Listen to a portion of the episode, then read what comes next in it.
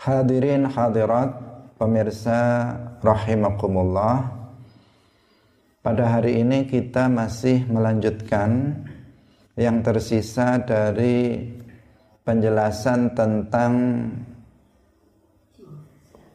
tajhizul jenazah yaitu mengurus merawat jenazah. Untuk itu marilah kita memulai pengajian kita pada pagi hari ini dengan mengikhlaskan niat kita lillahi ta'ala. Agar apa yang kita lakukan pada pagi hari ini diterima dan berpahala indallahi ta'ala nanti fi yaumil qiyamah. Hadirin rahimakumullah Mari kita baca. Qala al-muallifu rahimahullahu ta'ala Wala budda fiha min syuruti salati wa tarkil mubtilati wala budda lan ora kena ora fiha ing dalem salat jenazah. Min syurutis salati sangking pira-pira syarate salat. Wa tarkil mubtilati lan ninggal pira-pira perkara kang batalaken salat. Wa aqallu dafni lan utawi setitik-titik e ngubur ik, uh, khufratan khufratan uh, lubang taktumu kang iku khufratun iku khufratun lubang taktumu kang nyimpen apa khufrah raihatahu ing ambune mayit. Wa tahrusu lan joko apa khufrah ing mayit minasibai saking satu galak binatang liar. Wa yusannu lanten sunahaken apa ayu ammaka yen den jerokaken apa kubur qadra qamatin ing kira-kira sak pengadeg wa bastatin lan sak pengawi wa yuwassa'a lan yen den ambaaken apa kubur. Wa yajibulan wajib apa taujihuhu ngadepaken mayit ilal qiblati maring kiblat wala yajuzulan ora wenang apa adafnu ngubur fil fisqiyati ing dalam fisqiyah. Hadirin hadirat rahimakumullah telah kita jelaskan tentang sholat jenazah. Bahwa sholat jenazah itu minimal dalam pelaksanaannya. Yang pertama yaitu niat bersamaan dengan tak, takbiratul ikhram setelah itu membaca suratul fatihah. Setelah itu takbir yang kedua setelah takbir yang kedua kemudian berdoa untuk mayit. Kemudian takbir yang ketiga. Setelah itu eh, setelah takbir yang kedua tadi apa? Membaca sholawat. Nah, membaca sholawat. Setelah itu takbir yang ketiga. Setelah takbir yang ketiga kemudian membaca doa untuk mayit. Allahumma ghafir lahu warhamhu wa'afihi wa'fu anhu. Setelah itu takbir yang keempat dan setelah itu salam. Nah, boleh apabila kemudian sebelum salam dibaca terlebih dahulu doa untuk mayat dan untuk kita yang masih hidup. Nah, sekarang ada ketentuan ketentuan daripada sholat ini. Yang pertama adalah posisi imam ketika mensolati jenazah. Ini tidak wajib, tetapi ini adalah disunahkan. Nah, tidak wajib. Posisi ini bukanlah sesuatu yang wajib, tetapi penting untuk kita perhatikan karena ini mudah untuk dilaksanakan dan hukumnya adalah sunnah.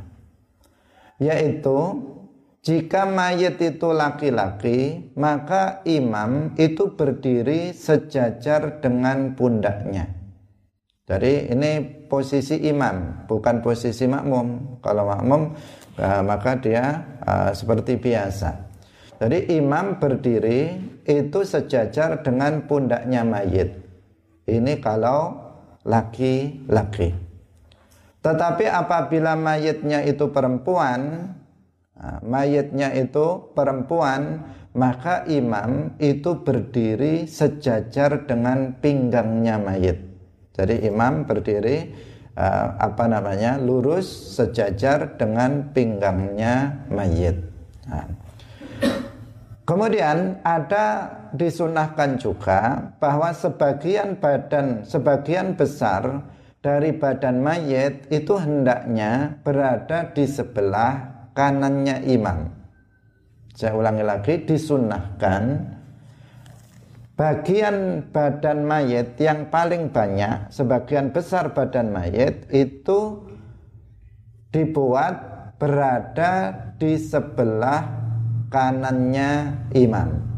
Nah, karena itu berarti posisi mayat kalau di tempat kita di Indonesia berarti posisi mayat jika laki-laki mayatnya itu laki-laki maka kepalanya diletakkan di sebelah selatan. Jika perempuan, maka kepalanya diletakkan di sebelah utara. Ketika mensolati, bukan ketika menguburkan, ketika mensolati, kalau mayitnya itu adalah laki-laki, kepalanya diletakkan di mana?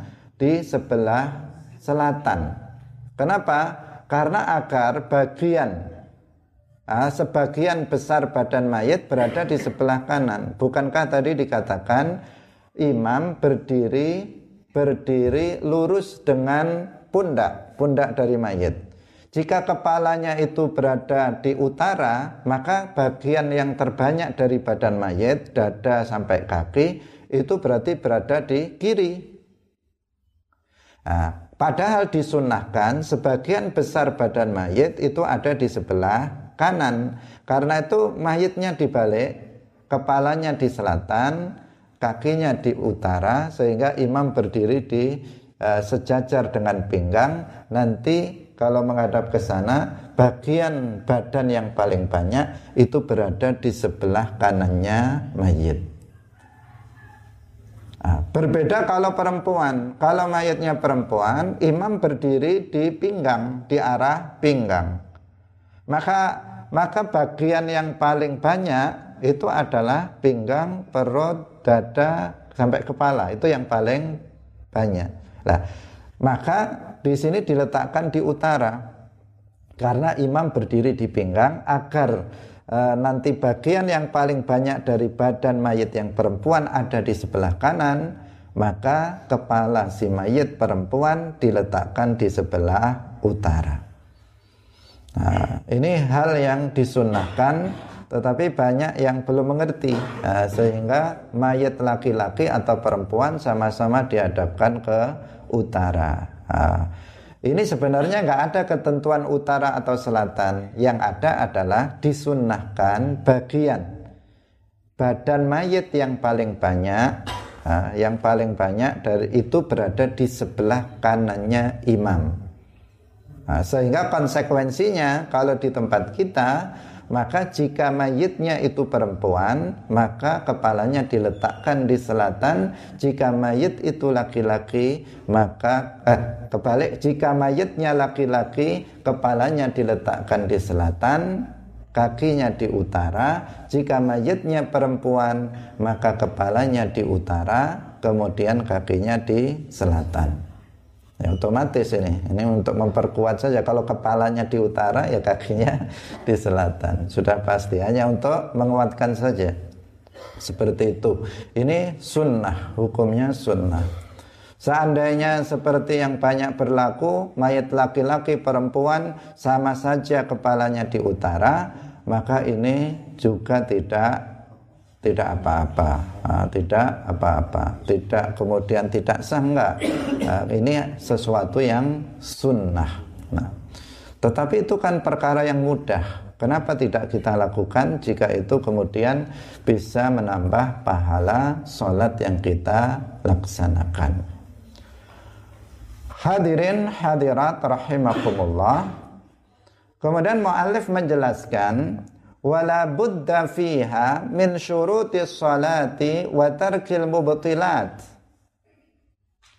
Di dalam sholat jenazah itu disyaratkan juga harus memenuhi syarat-syarat sholat dan menjauhi hal-hal yang membatalkan sholat. Dari syarat-syarat syarat-syarat sah sholat sebagaimana dalam sholat lima waktu itu juga harus dipenuhi dalam sholat jenazah. Nggak, nggak ada perbedaan. Misalnya apa? Misalnya harus menghadap kiblat. Sholat jenazah itu bukan sekedar menghadap jenazah, tetapi menghadap kiblat itu yang utama. Jadi menghadap ke kiblat. Nah, ini yang terkadang kurang diperhatikan seseorang dalam melaksanakan sholat jenazah. Kalau sholat jenazah itu dilaksanakan di masjid atau musola, maka itu lebih mudah memastikan bahwa apa namanya ini sholatnya sudah menghadap kiblat karena sudah di, diukur kemudian sudah sudah betul bahwa masjid itu kubahnya apa e, mihrabnya menghadap ke arah kiblat dengan tepat. Tetapi jika sholat jenazah itu dilakukan di rumah, maka ini harus lebih berhati-hati. Nah, karena bisa jadi bentuk rumah itu menipu, seakan-akan sudah menghadap ke arah kiblat, tetapi sesungguhnya tidak karena bangunan rumahnya misalnya menceng ke selatan atau menceng ke utara. Nah, tanpa disadari karena mengikuti arah jalan misalnya maka itu kita bisa tertipu. Kita anggap kita sudah menghadap ke kiblat ternyata tidak. Akhirnya mayatnya uh, disolati yang mensolati tidak menghadap ke kiblat dengan benar. Nanti sholat jenazahnya juga tidak sah karena apa disyaratkan juga dalam sholat jenazah harus menghadap ke arah kiblat. Tidak cukup sekadar menghadap mayat, terus pokoknya mayatnya diletakkan, sholat langsung hadap mayat, bukan begitu, tetapi menghadap ke arah kiblat. Iya, mayatnya diletakkan di depan, tetapi kita menghadap ke arah kiblat. Ini ini syarat-syaratnya, eh, syarat sah daripada sholat lima waktu, sholat-sholat yang lain juga sholat jenazah. Kemudian misalnya harus suci dari hadas dan najis, dari hadas kecil maupun besar. Berarti harus uh, dalam keadaan suci dari hadas kecil, dalam keadaan telah berwudu. Dalam keadaan suci dari hadas besar. Sama dengan sholat biasa. Kemudian harus suci dari najis. Tidak boleh pada pakaiannya atau pada kulitnya atau pada tempat yang dia gunakan untuk sholat itu najis. Ini juga rawan. Kalau sholat dilaksanakan di rumah, tidak di masjid atau musola, rawan tempatnya itu tidak suci. Nah, karena sebagian rumah, eh, sebagian rumah itu tidak dijaga kesuciannya. Atau misalnya menggunakan tikar atau alas sholat yang uh, bisa jadi tidak suci. Misalnya orangnya bukan orang yang uh, yang menjaga kesucian di rumahnya itu.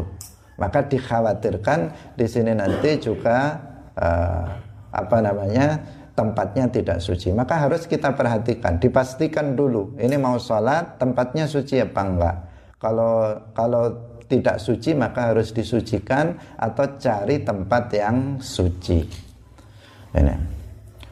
Kemudian yang lain-lain juga syarat-syarat sholat yang lainnya juga semuanya berlaku di sini. Misalnya menutup aurat. Orang yang sholat harus menutup aurat baik laki-laki maupun perempuan. Karena kemarin sudah kita jelaskan sholat jenazah itu tidak hanya wajib bagi kaum laki-laki tetapi juga bagi kaum perempuan. Nah, hadirin hadirat rahimakumullah. Jadi dari sisi hal-hal yang menjadi yang menjadi syarat sah sholat jenazah itu sama dengan hal-hal yang menjadi syarat sah sholat secara umum. Hadirin hadirat rahimakumullah. Dalam sholat jenazah itu juga harus menjauhi hal-hal yang membatalkan sholat. Jadi semua yang membatalkan sholat sholat yang biasa, sholat lima waktu atau sholat sunnah, maka itu juga menjadi hal-hal yang membatalkan sholat jenazah. Misalnya apa berbicara yang bukan zikrullah. Misalnya lagi makan, minum dengan sengaja, bergerak yang banyak, kemudian eh, hal-hal yang lainnya yang sudah kita jelaskan kita terangkan pada pengajian sebelumnya yaitu tentang hal-hal yang membatalkan sholat. Semua yang membatalkan sholat maka itu juga membatalkan sholat jenazah. Nah jadi sama berarti ini harus diperhatikan nah, bukan seseorang kemudian menganggap itu berbeda sholat keduanya sama-sama sholat memiliki syarat sah dan apa namanya dan hal-hal yang membatalkan yang sama. Yang berbeda adalah rukunnya. Kalau sholat biasa itu uh, dengan ruko, dengan sujud, tetapi dalam sholat jenazah itu tanpa ruko, tanpa sujud, tanpa duduk di antara dua sujud, tanpa tasyahud akhir dan seterusnya. Nah, dengan tata cara yang sudah kita jelaskan sebelum pengajian ini. Hadirin hadirat yang dirahmati oleh Allah Subhanahu wa taala. Kemudian dalam sholat jenazah itu ada juga hal-hal yang disunnahkan. Nah, yaitu hal-hal yang juga disunnahkan dalam sholat fardu. Ketika sholat fardu disunahkan, ketika sholat jenazah juga disunahkan. Misalnya apa? Misalnya mengangkat tangan ketika membaca takbir-takbir. Mulai dari takbiratul ihram, Allahu Akbar, mengangkat tangan. Takbir yang kedua juga mengangkat tangan. Ketiga, keempat, mengangkat tangan. Mengangkat tangan ini hukumnya adalah sunnah. Sebagaimana dalam apa namanya sholat uh, sholat fardu mengangkat tangan ketika takbiratul ihram itu hukumnya juga sunnah tetapi tidak semua gerakan takbir itu disunahkan mengangkat tangan ketika mau rukuk mengangkat tangan. Tetapi ketika bangun dari sujud ya tidak mengangkat tangan. Nah, tidak seluruhnya. Atau mau apa namanya mau sujud yang kedua tidak mengangkat tangan. Nah, kalau berdiri untuk rekaat kedua juga tidak mengangkat tangan, tapi berdiri dari rekaat yang kedua menuju yang ketiga setelah tasyahud awal itu disunahkan juga untuk mengangkat tangan ketika takbir. Itu dalam sholat fardu atau sholat uh, sholat yang biasa. Adapun dalam sholat jenazah setiap takbir itu disunnahkan mengangkat tangan. Nah, ini sudah maklum. Kemudian yang berikutnya juga disunnahkan membaca ta'awud. A'udzu billahi minasyaitonir. Baru membaca suratul Fatihah. Nah, sebagaimana dalam sholat juga disunnahkan untuk membaca ta'awud. Ini yang sering kita tinggalkan. Nah, ini padahal ini juga merupakan sesuatu yang sunnah dan bukan sesuatu yang sulit. Tetapi karena nggak terbiasa, sebagian besar kita, uh, sebagian kita itu tidak membaca ta'awud, langsung membaca basmalah ayat yang pertama dari surat Al-Fatihah. Yang sunnah apa? Dalam kita melaksanakan sholat fardu itu juga membaca ta'awud sebelum membaca suratul fatihah. Tetapi dibaca lirih. Kalau dalam jahar tetap dibaca lirih. Misalnya uh, dia membaca uh, a'udzubillahi minasyaitonirrajim lirih kemudian baru bismillahirrahmanirrahim alhamdulillahi rabbil alamin sampai akhir. Nah, itu sunnah dalam sholat fardu juga sunnah dalam sholat jenazah nah sholat jenazah disunahkan juga membaca ta'awud sebelum membaca suratul fatihah. Tetapi tidak disunahkan membaca doa doa iftitah. Allahu akbar kabira wajah tu wajhiyah dan seterusnya itu tidak tidak disunnahkan demikian juga membaca surat setelah membaca suratul fatihah itu juga tidak disunnahkan nah ini kalau disunahkan dibaca panjang nanti. Wong Fatihah saja sangat cepat uh, terlihat buru-buru. Kemarin kita jelaskan banyak orang sholat jenazah uh, kok bisa secepat itu. Terkadang kita makmum masih baru membaca dua ayat dari dari Al-Fatihah masih Bismillahirrahmanirrahim. Alhamdulillahi Rabbil Alamin. Imamnya sudah Allahu Akbar. Yang kedua. Ini kira-kira dibaca apa enggak ini? Jangan-jangan cuman apa namanya uh, dibaca kilat yang kemudian tidak memperhatikan makharijul huruf tidak memperhatikan panjang dan pendeknya nah Padahal itu juga rukun daripada sholat jenazah. Jika Al-Fatihah tidak dibaca dengan benar, nanti sholat jenazahnya tidak sah. Nah, karena itu kita harus memperhatikannya dan melaksanakannya dengan betul-betul agar sholat jenazah itu bisa sah dilakukan. Hadirin hadirat rahimakumullah yang berikutnya adalah menguburkan. Dalam buku ini penjelasan singkat ini ada yang tertinggal nah, satu satu masalah yaitu tentang aqallud dafni. Nah, Mu'allif mengatakan wa aqallud dafni khufratun taktumu raihatuhu raihatahu wa tahrusuhu minas sibah. Wa yusannu ayu ammaqa qadra qamatin wa bastatin. Wa yuwassa'a wa yajibu tawjihuhu ilal qiblah. Nah, minimal dalam menguburkan mayit itu adalah lubang, sebuah lubang yang bisa menutup bau busuk dari mayit itu. Jadi mayat itu kalau sudah dikuburkan tiga hari setelahnya itu sudah mulai membusuk. Baunya luar biasa busuknya. Nah, berbeda uh, kalau kita misalnya ada bangkai ayam itu sudah luar biasa baunya busuk. Uh, demikian juga yang lain, jika bangkai manusia itu jauh lebih busuk apa namanya baunya itu. Sehingga dalam menguburkan mayat itu minimal adalah dibuatkan sebuah lubang yang kira-kira lubang ini bisa menutup apa namanya bau itu tidak keluar dari dalam. Nah, tidak keluar dari dalam apa namanya uh, dari lubang itu.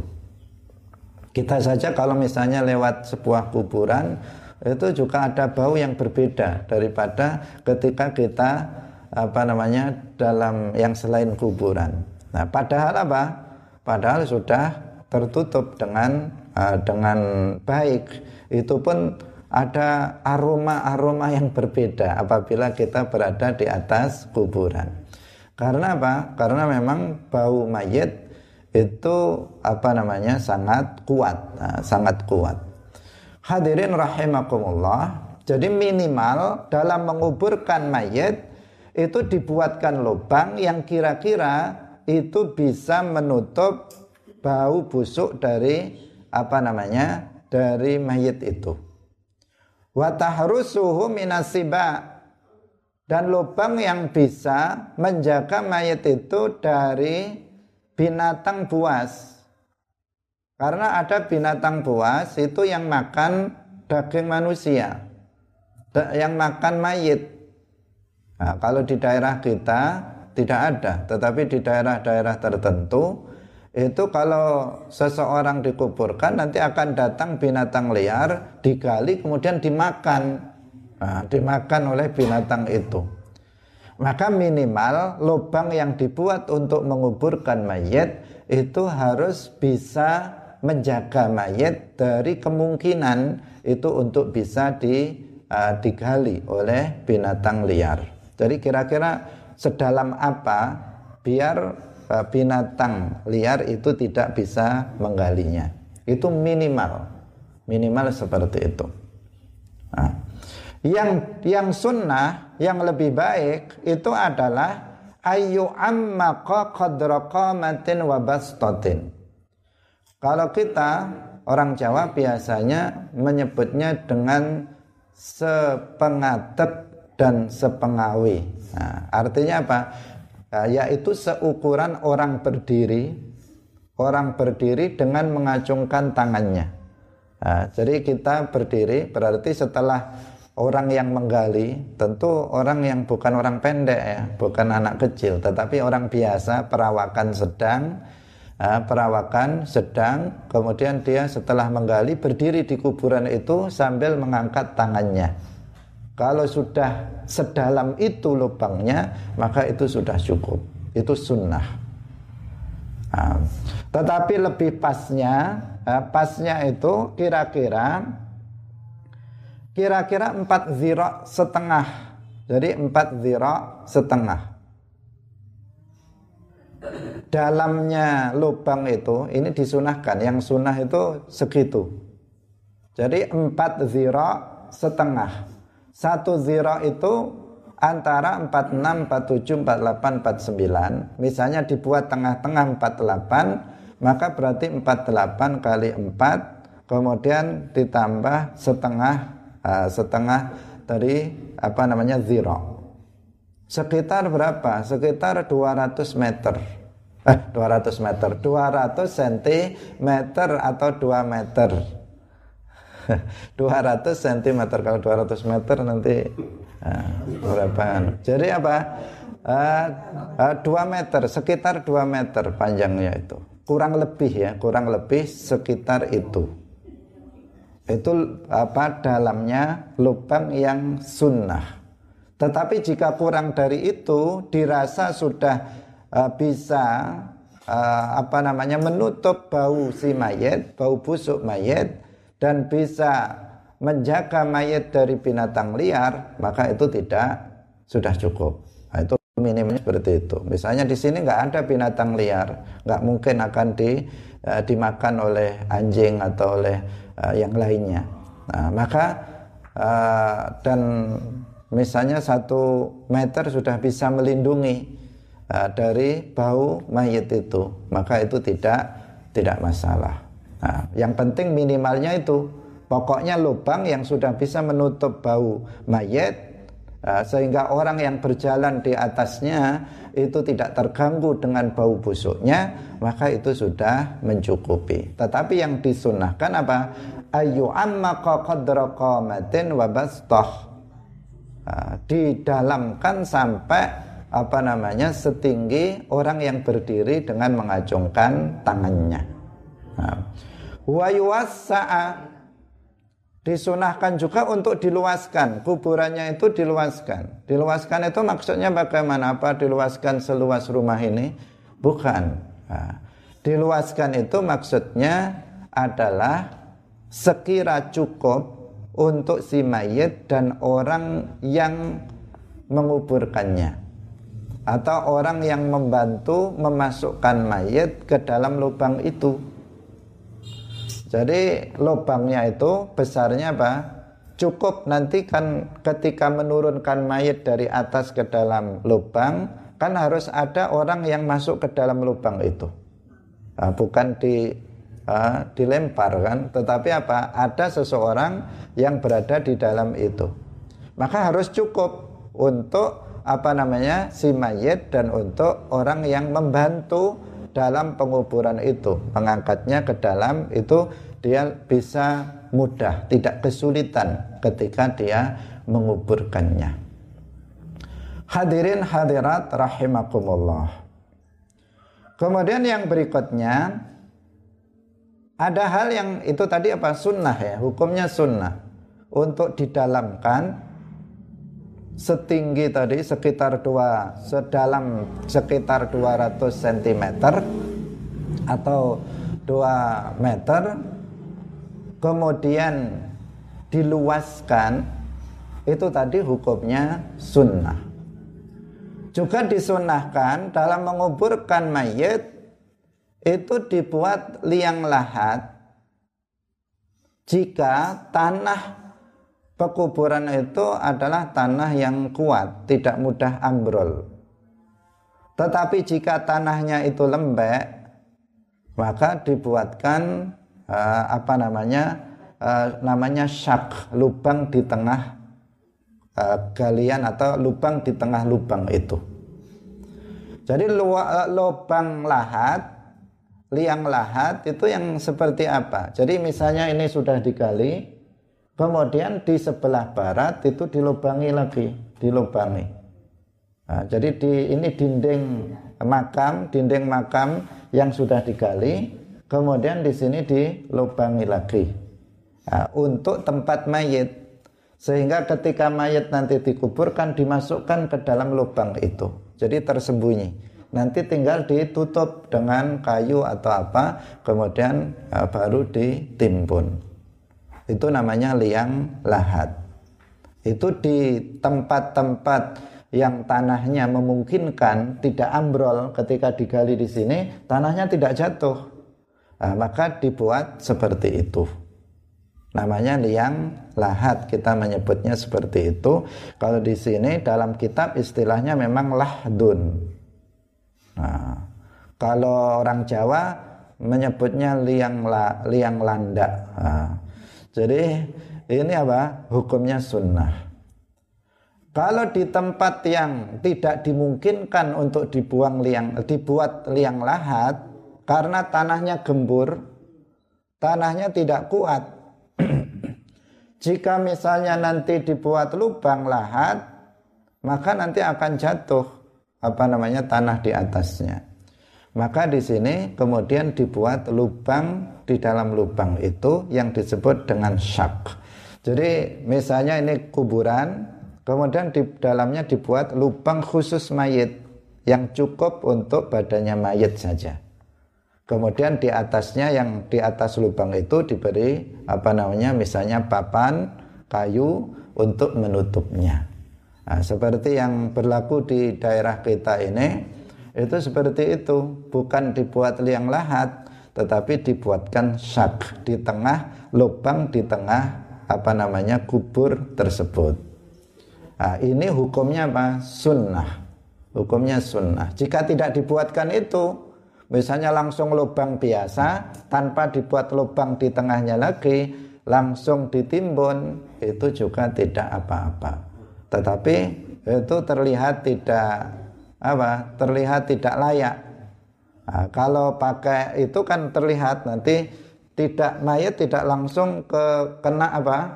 Kena tanah, nah, tetapi dia eh, apa namanya di eh, dijaga oleh kayu di atasnya. Demikian juga dalam liang lahat itu. Mayat langsung tidak eh, tidak langsung terkena tanah yang yang menutupinya tetapi ada papan yang menghalanginya sehingga dia uh, apa namanya dikuburkan di situ. Nah, ini disunahkan. Bukan seperti orang yang apa namanya tertimbun longsor misalnya, langsung uh, tertimbun oleh tanah, tidak, tetapi ada sesuatu yang memang apa namanya uh, yang menghalangi di antara keduanya meskipun pada akhirnya kayu itu juga jeplok juga akan apa namanya menimpa uh, si mayit tersebut. Nah, hadirin hadirat yang dirahmati oleh Allah Subhanahu wa taala.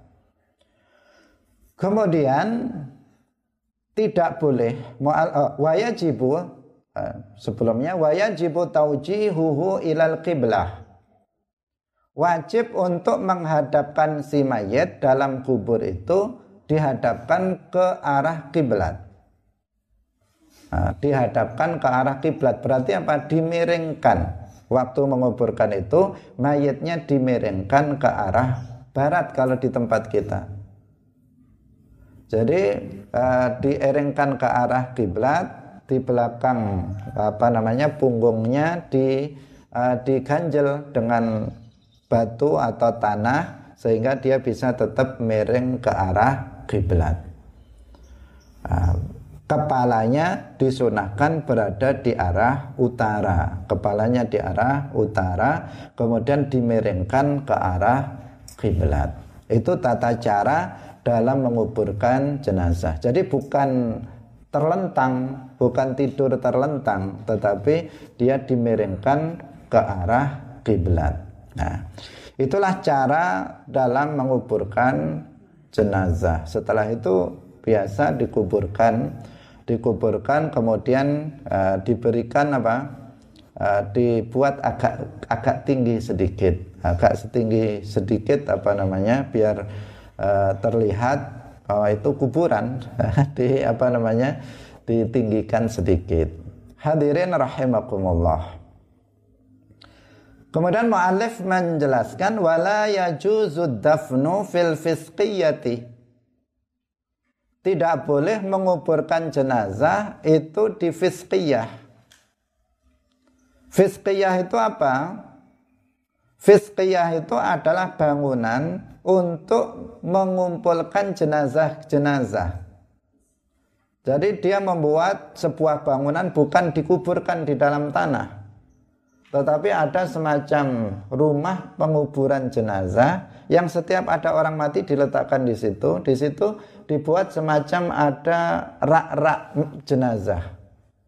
Nah, jadi kalau ada orang mati dimasukkan ke dalam rak itu. Nanti ada orang mati lagi dimasukkan. Begitu seterusnya itu hukumnya tidak boleh. Yang seperti itu tidak boleh. Nah, apakah ada? Ada di sebagian daerah.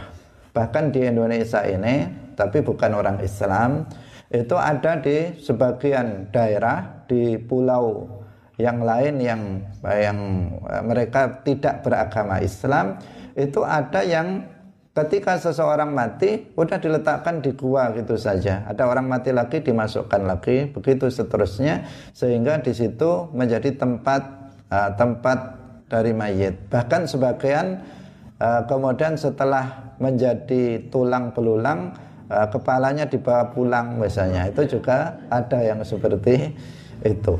Nah, ini tentu bukan ajaran Islam. Bukan ajaran Islam tidak seperti itu. Juga ada sebagian yang dibakar. Islam tidak mengajarkan seperti itu, tetapi Islam mengajarkan jika seseorang telah meninggal, mati maka dikuburkan di dalam tanah. Um, tidak juga dibiarkan di atas uh, di atas tanah karena itu akan mengganggu orang yang hidup uh, karena baunya yang yang busuk itu. Nah, Hadirin hadirat yang dirahmati oleh Allah Subhanahu wa taala, pemirsa Madu TV yang berbahagia.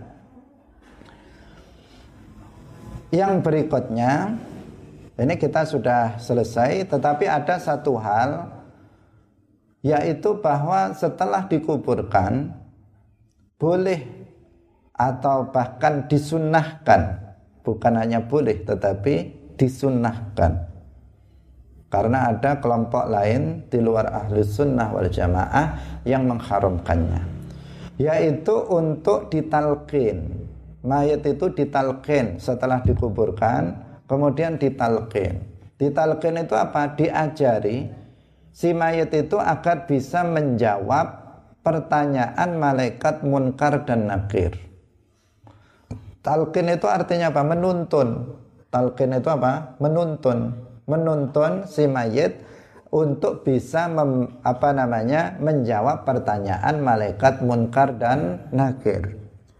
Karena sebagaimana kita ketahui bahwa setelah jenazah atau setelah mayit itu dikuburkan, maka akan datang malaikat dua malaikat yang menyeramkan, yang menakutkan namanya munkar dan nakir. Dalam hadis disebutkan bahwa keduanya itu adalah aswadani azraqani. Hitam kebiru-biruan. Pokoknya menakutkan. Orang hitam itu menakutkan. Jadi jadi ada menakutkan. Dia sangat menyeramkan uh, kalau dia ada di bumi ini kita bisa berlarian melihat dia karena sangat menakutkan. Nah, lah, agar si mayat itu bisa menjawab pertanyaan dari malaikat munkar dan nakir karena tugas malaikat munkar nakir ini bertanya, tugasnya bertanya. Semua umat Nabi Muhammad itu ditanya kecuali Nabi Muhammad sendiri tidak ditanya. Kemudian orang yang mati syahid dalam peperangan juga tidak ditanya. Kemudian anak kecil yang mati belum balik itu juga tidak ditanya oleh malaikat munkar dan nakir. Tetapi selain itu, itu semuanya ditanya. Umat Muhammad semuanya ditanya di dalam kuburnya. Nah, orang kafir ketika ditanya mereka jelas nggak bisa. Nah, karena ini bukan masalah uh, apa namanya bukan masalah nanti oh pertanyaannya sudah dibocorkan. Kemudian kita bisa menghafalnya sekarang untuk persiapan. Nggak bisa seperti itu. Nah, dari orang yang kafir meskipun misalnya di dunia sudah hafalan duluan maka ketika di dalam kubur dia sudah ketakutan. Malaikat munkar dan nakir terlihat datang itu dia sudah gemetar ketakutan apalagi menjawab. Sama sekali nggak bisa menjawab. Wong dia sudah ke apa namanya kedahuluan ketakutan. Ketakutan dulu sehingga tidak bisa orang kafir untuk menjawab pertanyaan. Sementara orang Islam Allah menguatkan hatinya. Sehingga meskipun penampilan tampang dari malaikat munkar dan nakir ini menyeramkan, menakutkan, tetapi mereka menjadi tidak takut. Itu orang-orang mukmin yang soleh seperti itu, melihat yang menakutkan tetapi tidak takut. Hadirin rahimakumullah. Nah, karena itulah maka ada hal yang disunahkan setelah kita menguburkan mayit yaitu talqin. Mengajarkan kepada si mayit untuk menjawab pertanyaan malaikat munkar dan nakir. Nah, lafadznya biasanya ya Abdullah ibna amatillah. Ya Abdullah ibna amatillah Ya Abdullah ibn Amatillah Jika namanya si Fulan Misalnya Ahmad atau namanya Umar Maka ya langsung Ya Umar ibn Fulan Anaknya si Fulan. Nah, Ya Zaid ibn Fulan Dipanggil tiga kali. Ya Zaid ibn Fulan Ya Zaid ibn Fulan Ya Zaid ibn Fulan Dipanggil.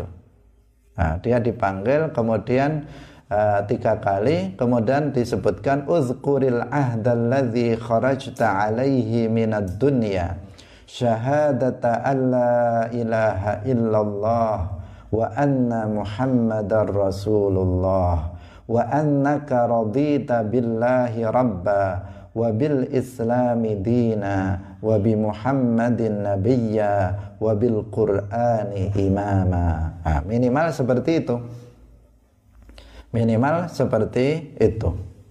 Nah, karena disebutkan uh, dalam sebuah riwayat bahwa malaikat munkar nakir apabila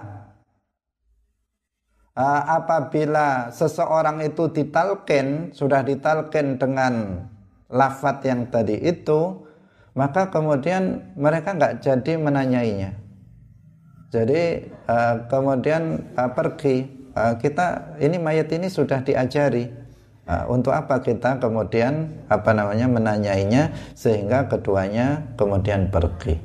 Nah, karena itu talqin ini diperlukan uh, untuk uh, apa namanya dalam rangka uh, si mayit itu agar uh, dia selamat. Karena apa?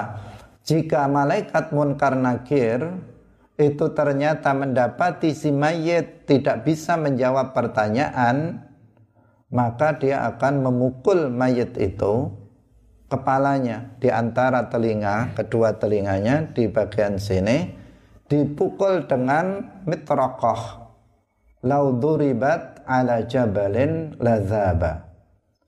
Yang apabila palu itu dipukulkan ke gunung maka gunung akan hancur lebur nah, itu yang palu itu yang akan dipukulkan di kepala orang ini yang tidak bisa menjawab pertanyaan malaikat munkar dan nakir. Sehingga si mayat menjerit sekencang-kencangnya yang bisa didengar oleh yang ada di sekitarnya kecuali oleh manusia dan jin. Manusia dan jin nggak bisa mendengarnya. Tetapi selainnya itu bisa mendengarkan teriakan dari dia karena kencangnya. Manusia dan jin tidak bisa mendengarnya karena jika mendengar semuanya, nggak ada yang ke pasar, nggak ada yang ke sawah. Nah, semuanya ke masjid rame-rame karena mereka apa? Karena mereka mengetahui bagaimana orang-orang di dalam kuburnya mereka diazab. Nah, ini hikmahnya seperti itu. Nah, hadirin hadirat rahimakumullah. Jadi ini selain ada pertanyaan malaikat munkar dan nakir di dalam kuburan itu juga ada azab azab kubur. Ada juga nikmat kubur. Nah, karena itulah maka semoga kita semuanya uh, dilindungi oleh Allah Subhanahu wa taala dari fitnah azabil qabri. Sehingga salah satu doa yang disunahkan untuk dibaca setelah tasyahud akhir di antaranya meminta perlindungan dari fitnati azabil qabri. Nah, karena ini menentukan apa namanya nasib seseorang di kuburan ini menentukan nasib dia di akhirat. Jika seseorang itu telah selamat di kuburan mendapatkan nikmat Allah di kuburan maka dia akan selamat nanti di akhirat. Akhirat setelah kubur. Kubur itu adalah pintu akhirat. Kubur adalah pintu akhirat. Nah, setiap orang yang memasuki akhirat maka dia melalui alam kubur ini. Nah, maka jika seseorang sudah selamat di pintunya akhirat maka dia akan selamat juga di akhirat. Sebaliknya, seseorang yang telah diazab di dalam kuburnya, maka dia juga tidak akan selamat nanti di akhirat. Makanya kita senantiasa berdoa semoga Allah melindungi kita dari fitnah azab kubur. Nah. Hadirin hadirat rahimakumullah, demikian pengajian kita pada pagi hari ini. Semoga bermanfaat bagi kita semuanya dan bisa menjadi ilmu bagi kita yang uh, yang barokah fit dunia wal akhirah